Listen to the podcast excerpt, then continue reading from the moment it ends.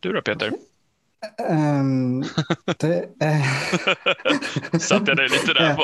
ja, nu vet jag inte riktigt vad jag ska svara här. Uh, vi går vidare helt enkelt vi. istället. Jag dodgar den. uh, precis.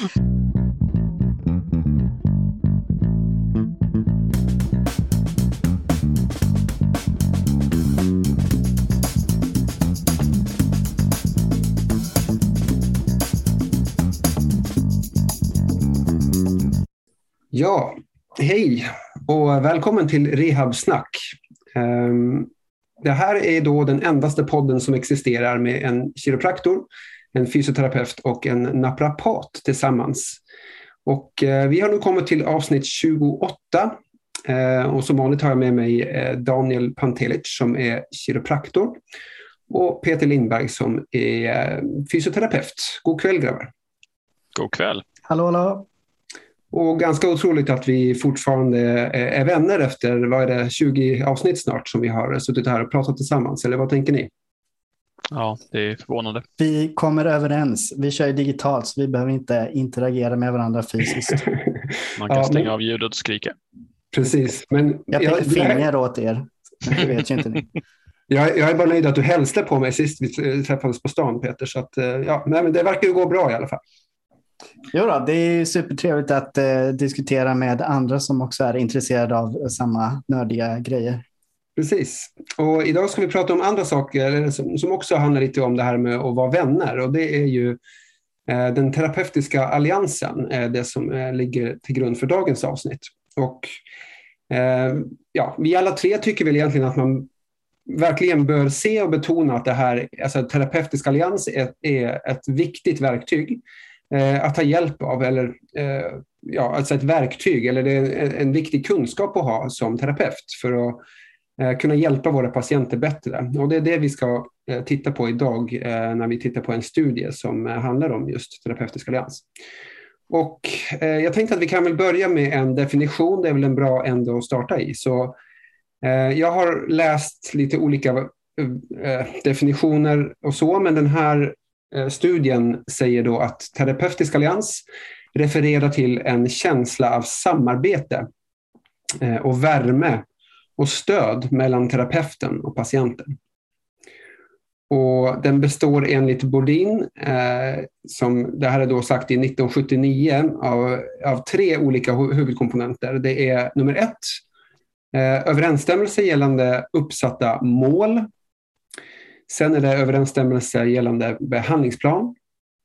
Och till sist det affektiva bandet mellan terapeuten och patienten. Um, vad heter den här studien? Kanske vi kan börja med att nämna. Då. Den mm. heter ju The Therapeutic Alliance Between Clinicians and Patients Predict Outcome in Chronic Low Back Pain. Det är då eh, författare Ferreira Eh, Paolo Ferreira som eh, i 2013 eh, kom ut med den här studien. Och ehm, Peter, kanske du kan ta en liten sammanfattning av detta? Då? Mm, absolut. Eh, ja, en väldigt kort, sammanfattning av den här studien då, så var det en retrospektiv eh, observationsstudie där man har följt upp eh, 182 deltagare som deltagit i en randomiserad kontrollerad studie Eh, och i denna RCT så jämförde man effekten av olika träningsmetoder eh, och eh, spinal manipulation. Och de här deltagarna då fick fylla i ett frågeformulär angående den terapeutiska alliansen vid deras andra besök hos fysioterapeuten. Och de primära utfallsmåtten i studien var funktion, global upplevd behandlingseffekt, smärta och disability. Och de jämförde då det här före behandlingen och åtta veckor efter avslutad behandling. Eh, resultatet då av den här, i den här studien var att den terapeutiska alliansen vid baseline, alltså på besök två hos fysioterapeuten, eh, förutspådde samtliga utfallsmått. Eh, och bättre terapeutisk allians var associerat med större förbättringar i global upplevd behandlingseffekt, funktion, och minskad smärta och minskad disability. Eh, hur pass kliniskt viktiga eller meningsfulla de här förbättringarna är lite svårt att säga. Men konklusionen är den att positiv terapeutisk allians var associerat med förbättringar på utfallen hos patienter med långvarig ländryggsmärta. Mm. Helt enkelt. Mm. Ja, så det påverkade faktiskt alla utfallsmåtten positivt. Precis. Det är mm. ju intressant. Väldigt.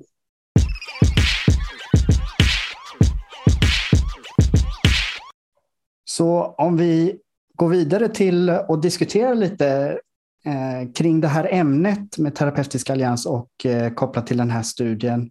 Vad har ni för tankar då? Vad säger du, Tim? Jo, det första jag tänker då är ju att eh, försöka hitta en annan behandlings, eh, eller till, till exempel en behandlingsform eh, som, som ger positiv effekt på alla de här eh, utfallen. Det finns ju säkert inte. Så att eh, det här är ju någonting, eh, sannolikt någonting potent vi pratar om här då, som kan påverka kanske de flesta eller alla våra behandlingar på något sätt. Eh, Annars så tycker jag väl inte att just resultaten hade var något särskilt överraskande. Då. Vi har ju sett flera studier också som pekar, pekar på att terapeutisk allians eller ospecifika effekter spelar en roll för våra resultat. Men eh, jag tyckte det var väldigt intressant att läsa i den här studien hur alliansen påverkade resultaten på eh, flera olika sätt. Eh, och jag la, la märke till vissa, eh, vissa eh, enskilda delar här som jag, jag, kan bara nämna lite snabbt här. Och det var att eh, det var störst effekt på funktionsnedsättning. Eh, och det var den enda stället som de kunde mäta och säga var clinically worthwhile, som de skrev. Alltså det, eh, effekten var så stor på funktionsnedsättning eller disability var det väl, att man, man an, eller anser det som kliniskt relevant. Då. Och också det att Eh, funktionsnedsättning är ju någonting som är ganska kvantitativt, alltså det går att mäta ehm, på ett bättre sätt medan det här hade ju, alltså den terapeutiska alliansen hade mindre effekt på smärta eh, och den här eh, globally perceived effekt eller upplevde eh, effekten. Då. Och de är ju egenrapporterade eh, utfallsmått. Så den terapeutiska alliansen hade alltså större påverkan på en kvantitativ eh, del än på en egenrapporterad del. Man tänker kanske att om man eh, får en bra eh, kemi med patienten så, så, så, leder man patienten till att egenrapportera bättre utfall för att man blir vänner eller sådär. Men faktiskt så var det inte de utfallsmåtten som, blev, som, som hade bäst effekt på. Det var de andra, eller disability.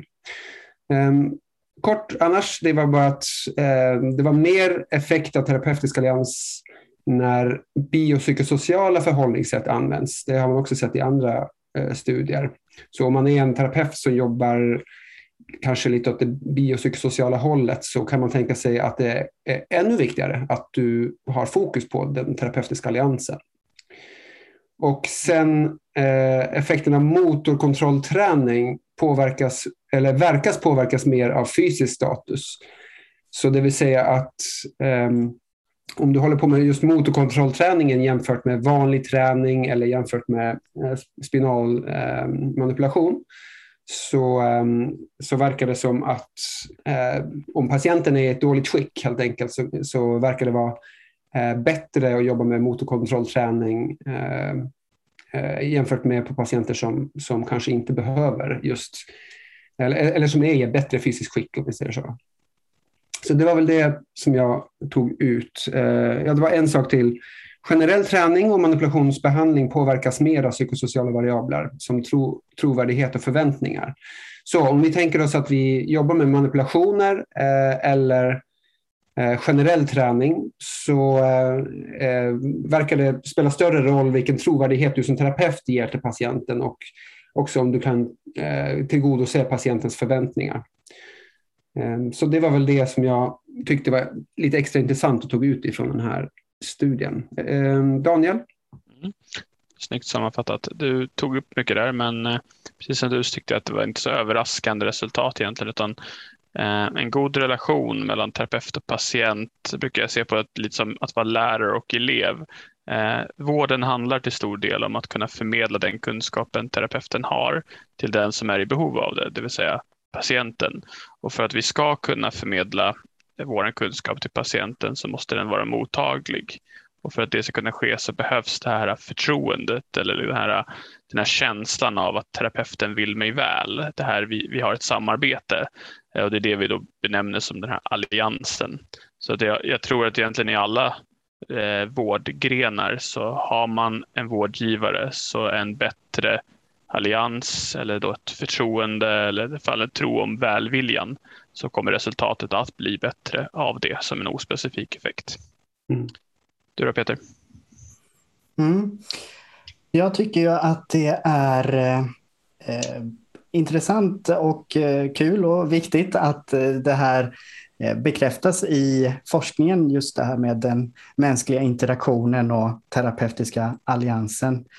Att, att det faktiskt är viktigt och också påverkar patientens utfall och rehabiliteringen. Det är inte någonting som man bara pratar om att det är viktigt med ett bra bemötande och så vidare, utan det har faktiskt reella effekter. Så, så vill du få bättre effekt av det du gör med dina patienter så är det här någonting som du borde lägga krut på eh, och, och försöka förbättra. Och Jag tycker också det är intressant det här med att vi, vi jobbar ju ändå med människor, vilket, vilket betyder att eh, vi, vi har ju eh, som terapeuter har vi ett inflytande på patienterna och vi påverkar ju dem.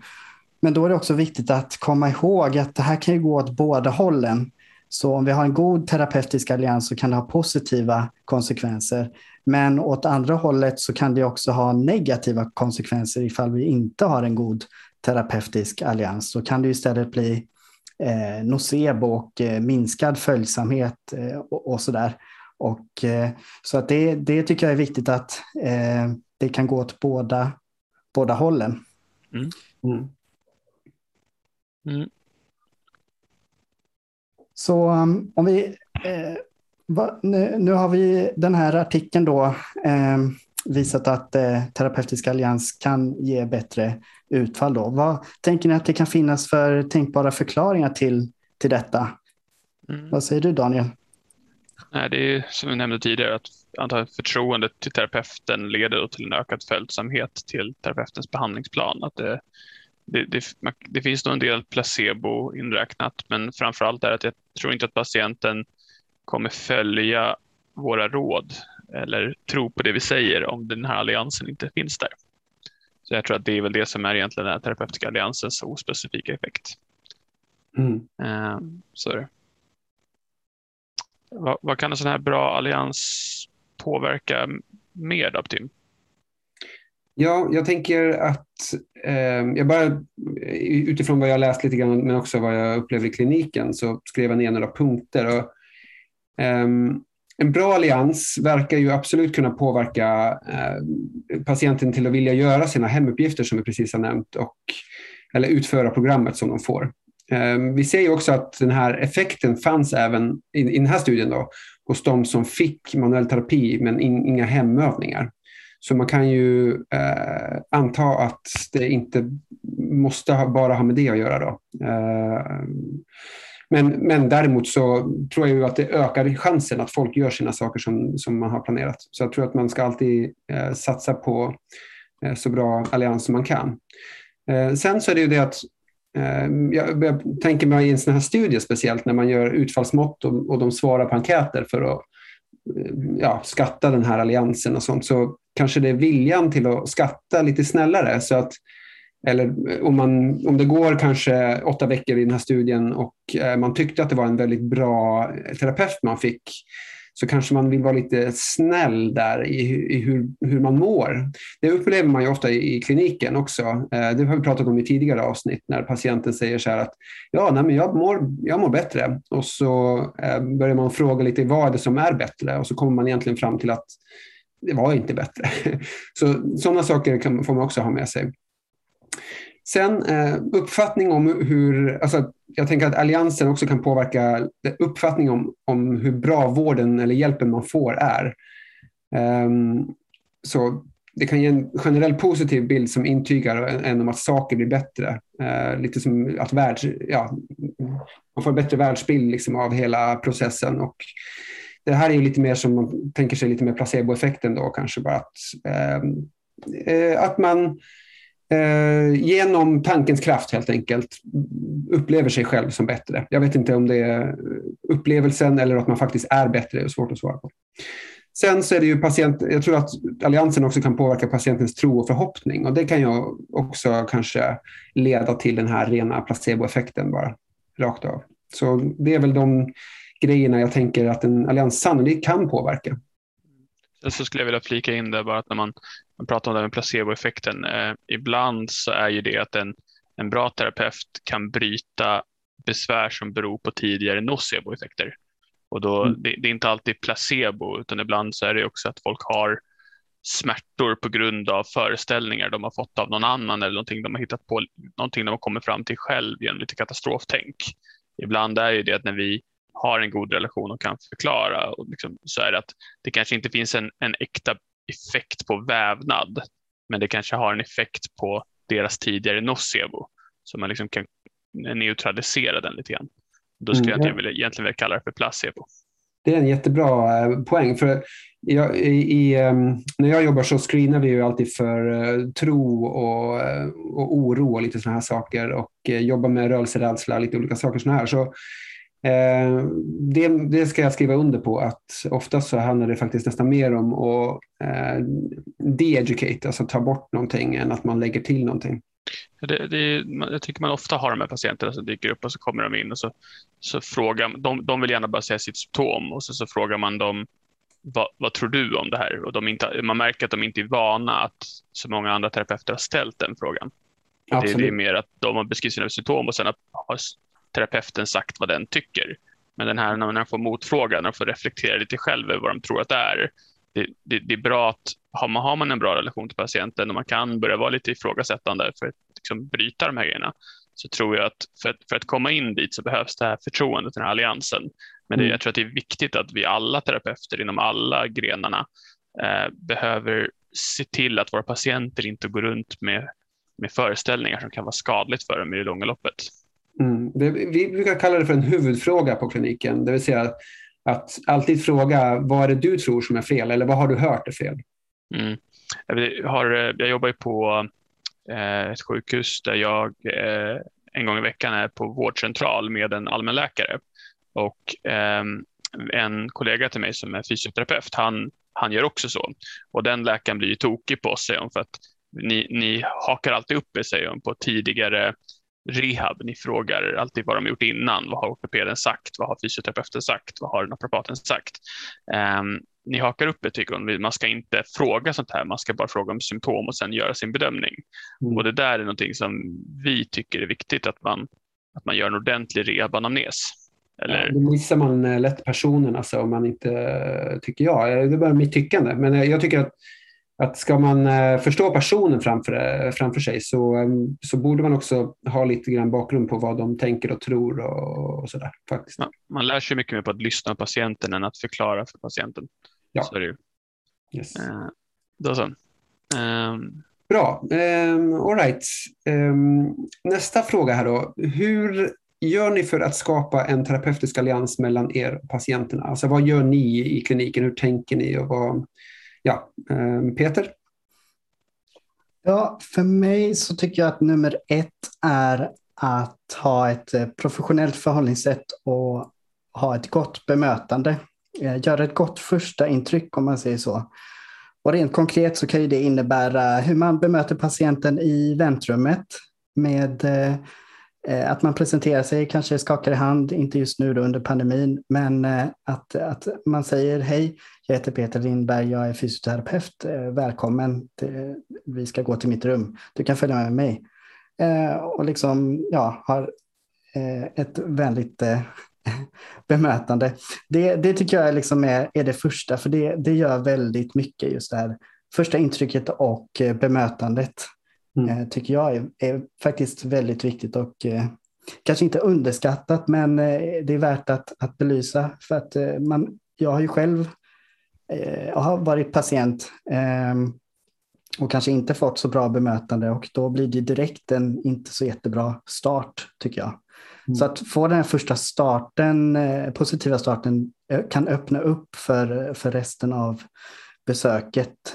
Ehm, så det tycker jag är är väldigt eh, viktigt. Då. Sen är det ju, tycker jag, väldigt viktigt att eh, låta patienten prata, att inte avbryta den. Eh, ställa öppna frågor och facilitera eh, till att eh, eh, berätta sin historia. Ehm, och eh, sen så, det är ju relativt vanligt ändå att en del patienter kan ha lite, ha lite skeptiskt eh, förhållningssätt till, vård, eh, till vården om de har blivit dåligt bemötta sedan tidigare eller är inte nöjda.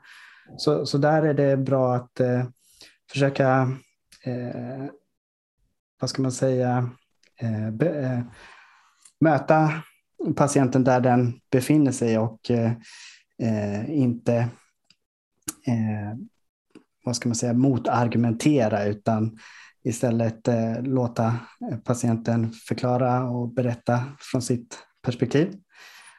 Um, ja, och, mm. men jag skulle, avslutningsvis skulle jag väl vilja säga också att det, det är också viktigt tycker jag att vara tydlig och ärlig och, och eh, vara pedagogisk i, i samtalet med, med patienten som också bidrar till en god terapeutisk allians. Eh, att man får med sig patienten och den förstår vad, vad man säger för någonting och att båda är med på, på liksom, vad är problemet, vad kan vi göra? Eh, mm. Så mm. ungefär så försöker jag eh, jobba. Mm. Eh, Daniel, vad ja, tycker du? Det lät ju bra. Eh, jag tänker så här att i en, i, i, i, en ideell värld, då, ideal, ideal menar jag, idealvärld, eh, Alliansen startar någonstans vid första besöket, det första intrycket, precis som du sa, hur vi bemöter patienten i väntrummet, hur vi inleder anamnestagningen. Men jag försöker alltid eh, vara inlyssnande, att försöka få patienten att prata fritt och inte avbryta, men ändå försöka rikta och tratta ner anamnesen så fort som möjligt så att det kommer till en till, till skott på något vis. Måste, någonstans måste man komma fram till vad det är de vill och sen så brukar jag försöka få liksom sammanfatta vad patienten har sagt eh, så att den förstår att jag har hört och att jag har lyssnat genom alltihop. Utan att den, den, ska, den ska veta att jag har förstått vad den vill och vad den har för problem. Sen så startar man ju eh, motfrågorna såklart. Ehm, jag försöker också sen när jag kommer till själva undersökningen att inkludera patienten i vad jag gör. Att okay, de här testerna talar redan här för att det, det finns en viss rotpåverkan till exempel. Att man, eller så säger man att de här testerna talar emot en rotpåverkan, alltså en, eh, att det skulle vara riskbråck, att man inkluderar patienten i varför jag gör vissa tester. Jag förklarar hur jag ska göra vissa tester, om de eventuellt kommer göra ont innan och jag försöker få patienten att slappna av. Jag försöker också när jag kommer till eh, själva behandlingen eller behandlingsplanen att inkludera patienten är att jag försöker prata på dens nivå och inte prata över huvudet på patienten. Ehm, och sen så såklart ehm, så försöker jag förstå patientens förväntningar och jag bemöter dem. Jag försöker eh, förstå patientens föreställningar och problemet. Är det så att patienten tror att ens besvär beror på ett svag, en svag bål eller ett snett bäcken eller något låst torakalkot eller vad, vad den är så försöker jag bemöta dem där och förklara var jag står eh, och vad jag anser vara korrekt.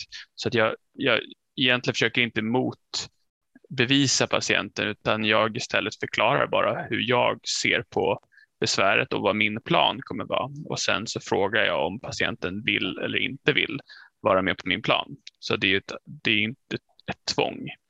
Eh, och i slutet av varje besök så försöker jag sammanfatta och sen vid nästa besök så återkopplar jag att patienten ska få förklara eh, vad planen är och vad diagnosen är och vad förklaringsmodellen är. Och om det är lite tokigt, då pratar vi om det igen tills jag känner att patienten förstår vad jag anser är problemet. Eh, jag försöker förklara vad patientens mål är tillbaka till patienten och bekräftar att det är rätt och sen så kör vi vidare. Ja, Snyggt. väldigt eh, grundligt. Mm. Mm. Ja, men det, det, låter väldigt bra. Det är liksom ja, det, det som jag har hört i skolboken eh, på, från alla håll. så, så var, det är därför jag säger väldigt grundligt. Det, det låter väldigt bra. Um, var du klar, Daniel? Mm.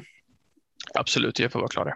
Ja, uh, ja, jag upplever väl att om vi kan kanske dela i, i den här första alliansen, den här liksom ursprungsalliansen vi får precis när man träffas och lite sånt och, och lite mer långtidsalliansen, speciellt om man, om man jobbar med saker som kan ta lite tid. Så tänker jag att ursprungsalliansen, den här liksom starten påverkas mycket av, som Peter var inne på, med första intrycket och jag tror det här likability är ganska viktigt. Eh, jag, jag förstod nog inte det i början på min karriär. Eh, inte att jag inte gjorde mig likable, men att jag, lag, jag la nog inte så mycket fokus på det och tänkte över det som en skill jag ville öva på och bli bättre på. Och det tror jag eh, möjligtvis då kan vara en av de viktigare sakerna för en student som precis har gått ut och ska börja jobba och, och fundera lite grann på. Eh, och bara tänka vad, hur skulle jag själv respondera på en person som gjorde exakt det jag gjorde nu?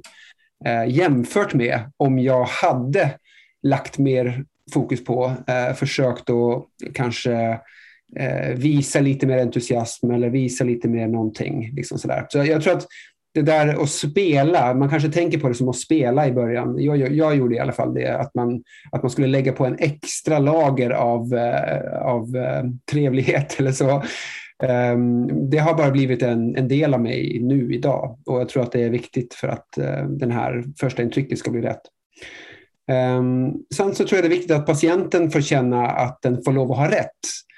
Eh, det, nu, det, här är sådana saker som jag, har, som jag har trampat snett på många gånger, så det är därför jag tar upp de här extra hårt kanske. Det, eh, det har ju varit en resa att, gå lite grann ifrån kanske lite skol, skolans eh, exempel på hur man ser ut när man går ut som naprapat till att ha eh, över tid blivit bli lite formad av liksom, forskning och allt det här som har eh, gjort den mer kritisk till allt möjligt och sånt där. Och då vill man också kanske utbilda patienten ibland eh, och eh, man tillåter inte patienten att ha rätt. Och det tror jag är en jätteviktig del faktiskt. Att, ehm, att eh, möta patienten där den är och förstå att det här är det patienten tror och, och har fått med sig sedan tidigare.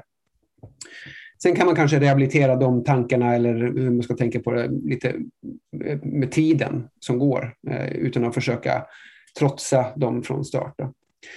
Ehm, så som Daniel var inne på, att förväntningar möts tror jag är viktigt ehm, och att information och upplägget kan förstås. Eh, också någonting jag har fått jobbat, jobba en del med. Eh, om, man är, om man är som jag kanske lite ambitiös i, i, i eh, klinikrummet och försöker att göra för mycket eh, på en och samma gång så eh, blir det fort så att informationen blir för stor och för mycket eller för eh, komplicerad och upplägget kanske får inte ens tid med upplägget eller man eh, ja, försöker att göra för mycket på en och samma gång. Det tror jag är jätteviktigt. Ehm, sen långtidsallians tror jag påverkas mest av hur du liksom, förebygger eventuella setbacks i, i rehabplaneringen. Um, för vi vet ju alla att när det går några veckor och sånt där så kommer det svänga lite upp och ner för väldigt många patienter som det normalt sett gör. Och jag tror att eh, om, du vill ha, om du vill ha alliansen också vecka eh, 8 och vecka 14 eller vad det kan bli så tror jag att eh, de ska vara förberedda på det.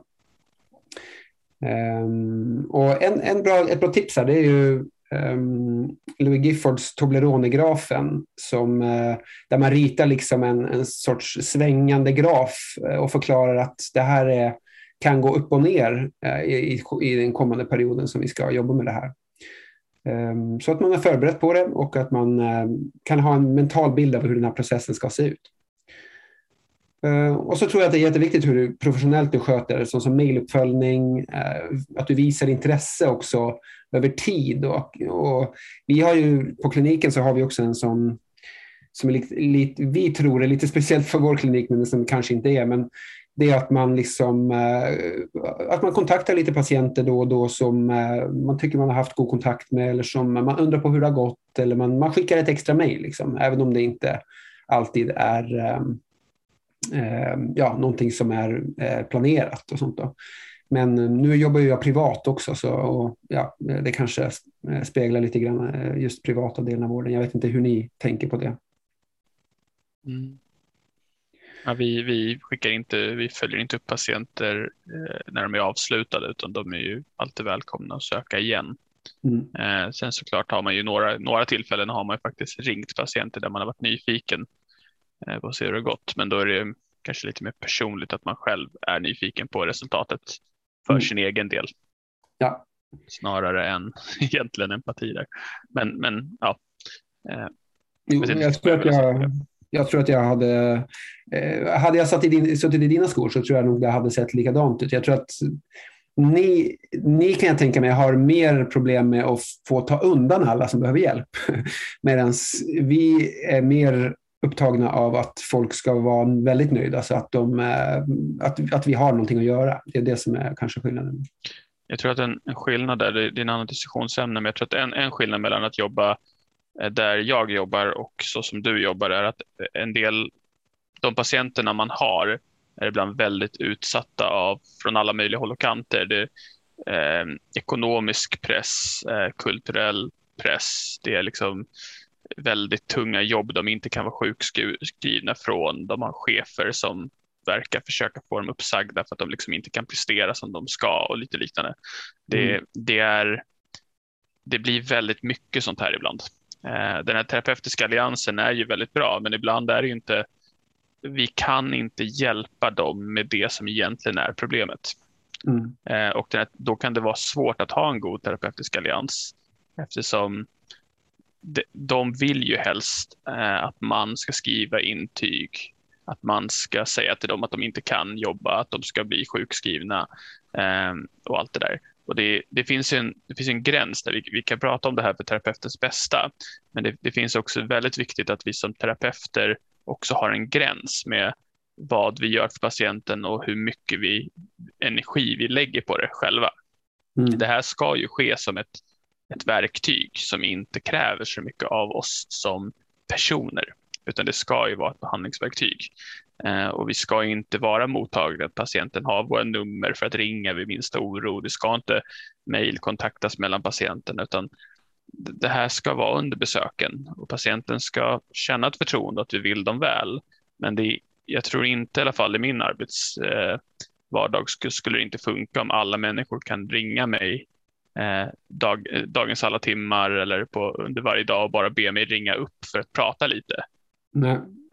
men jag vet inte riktigt hur ni har det där, men det, jag, jag, jag kan inte se att jag som terapeut där jag är skulle kunna ha en allians där jag är så personlig att jag ringer och kollar läget. Nej. Nej, och jag kan ju säga så här då, det, det gör jag nog sällan också. Det, det, det, som, det som det kanske ser ut som det är att man, eh, man kommer ihåg en patient eller man har kanske lagt någon form av uppföljning eller man har på något sätt i alla fall så tänker man att man eh, skickar ett mejl där det står så här, eh, hur gick det med det där upplägget som du skulle igång med eller någonting sånt där. Och, eh, tanken är väl egentligen att man skapar lite ambassadörer, om du förstår vad jag menar. Man, mm. eh, för, för kliniken egentligen. Och eh, utan att man... utan att man eh, alltså det finns ju säkert bättre och sämre sätt att göra det här på, men jag tycker att det är ganska, ett ganska eh, fint sätt. Ett ganska eh, proffsigt och fint sätt att och, eh, ja, eh, fråga hur, hur det har gått med en process som man visste kanske skulle vara svår för dem eller någonting sånt där. Mm. Och så, det är bara en, egentligen att vara en, en, en vän. Men det är klart, jag, jag, förstår helt och hållet att det är två lite olika världar man, eh, man eh, jobbar och existerar i. Och, eh, men det är bara intressant att höra eh, hur, hur man gör olika. Jag tror att det, det, man anpassar sig nog efter den verkligheten man är i. Ja. Jag, jag tycker ju att vården, alltså det är väldigt viktigt att alla patienter får den hjälpen de behöver. Men det är nog många som blir, skulle bli utbrända i den offentliga vården om våra värsta patienter, alltså de mest utsatta patienterna med, med högst risk för psykisk, eller de som redan har psykisk ohälsa, men liksom där det verkligen är det är tungt för dem. Det, det finns självmordsförsök och det finns skadebeteenden och det finns eh, dåliga relationer och våld i hem och allt det där det, mm. det, är, vi skulle ju gå under som, som eh, terapeuter om 12 patienter varje dag sen hade en, en mm. möjlighet att ringa eller ha en kontakt jättetätt. Ja, eh, för att de känner att man är deras vän. Utan jag, jag försöker nog inte få fram en bild av att man skulle vara deras vän på något vis. Utan jag tycker att terapeut är en bra relation att ha också. Det är någonting annat än en vän. Det mm. är ju en person som kommer ge dem kunskapen de behöver för ett problem de vill bli av med. Mm. Men, men jag skulle inte säga att det är en vänskaplig relation utan mer en, en relation som är där för att eh, hjälpa dem med exakt det som vi har kunskap om. Ja, ja nej, jag, jag håller helt med. Mm. Mm. Du då Peter? Um, det, uh... Satte jag dig lite där på? ja, nu vet jag inte riktigt vad jag ska svara här. Uh, vi går vidare helt enkelt istället. Jag dodgar den. uh, precis. Ja, nej, men nu har ni, eller vi har pratat uh, om hur vi jobbar för att skapa den här terapeutiska alliansen. Och det jag hör är ju att det är mycket kring kommunikation och kommunikationsfärdigheter eh, som man också kan kalla för soft skills. Och eh, vad tycker ni, är det liksom underskattat med de här soft skills, hur man eh, hanterar, kommunicerar med eh, patienterna? Eh, lärde ni er någonting i när ni gick eh, utbildningen eller hur har ni lärt er det? Eh, eller är det så att man tycker att det, det inte är så viktigt eller någonting som inte bör prioriteras i utbildningen? Och att vi bara förväntas kunna detta när vi börjar jobba. vad, vad säger ni? Jag tror att vi inte har lärt oss det. Det var ju så pass länge sedan nu. Jag eh, blev lite äldre, så är det. Det får man ju äga. Eh, men, men när jag gick utbildningen så tror jag att vi pratade ganska lite om det här konkret. Det kanske nämndes lite grann mellan, mellan raderna, men jag tror inte det var inga, inga konkreta kurs, kurser i det, att man pratade om det. Men jag kommer ihåg eh, en patient jag hade för många år sedan när jag första gången började faktiskt tänka på det här och det var när jag tyckte jag var duktig. Jag ställde en diagnos på en meniskskada eh, och, för, och pratade, bara pratade om det så som man gör och sen så frågade patienten, jaha, och vad är en menisk? Och det var liksom just att jag hade inte tänkt på att eh, jag visste inte hur jag skulle förklara någonting, utan jag mm. pratade ju om mina rörelseplan och mina stabiliseringsmuskulaturen och inre och yttre, allt det där vad man höll på med på den tiden. Men patienten förstod ju inte vad jag sa. Det bara lät avancerat och de nickade och tyckte väl att de hade en, en duktig terapeut. Men mm. jag tror inte att jag egentligen lyckades så väl med att förmedla mitt budskap. Och mm. det var väl kanske där som jag kände att jag behöver lära mig att förklara så att de förstår. Eh, och det tror jag inte jag har lärt mig av någon annan egentligen, utan det är nog bara vetskapen om att jag behöver bli bättre på det har gjort att man har fått försöka lite trial and error med patienterna. Yeah. Och det, det, får man ju fram att jag ger den här förklaringen. Välkommen nu förklara igen tillbaka till mig vad jag har sagt och vad är problemet med exempelvis ditt knä. Och så märker man att okay, det här förklaringssättet blir tokigt varenda gång. Så anpassar man tills man hittar att okay, det här sättet verkar funka. Och så kör man på det ett tag.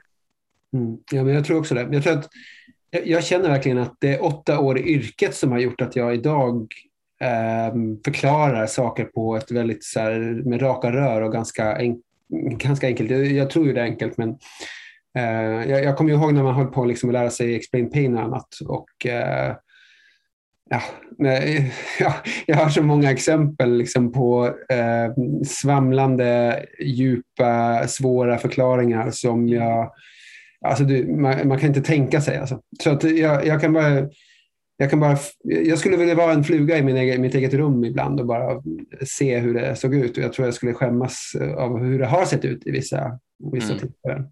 Men ehm, ja, jag tror det är som Daniel är inne på. Jag tror att det är, det är nog bara tiden som har eh, härdat och förändrat och sånt. För det var ingen, det var, så communication skills var ju aldrig någonting som stod på vår ehm, Eh, ja, pensumlista liksom, i skolan.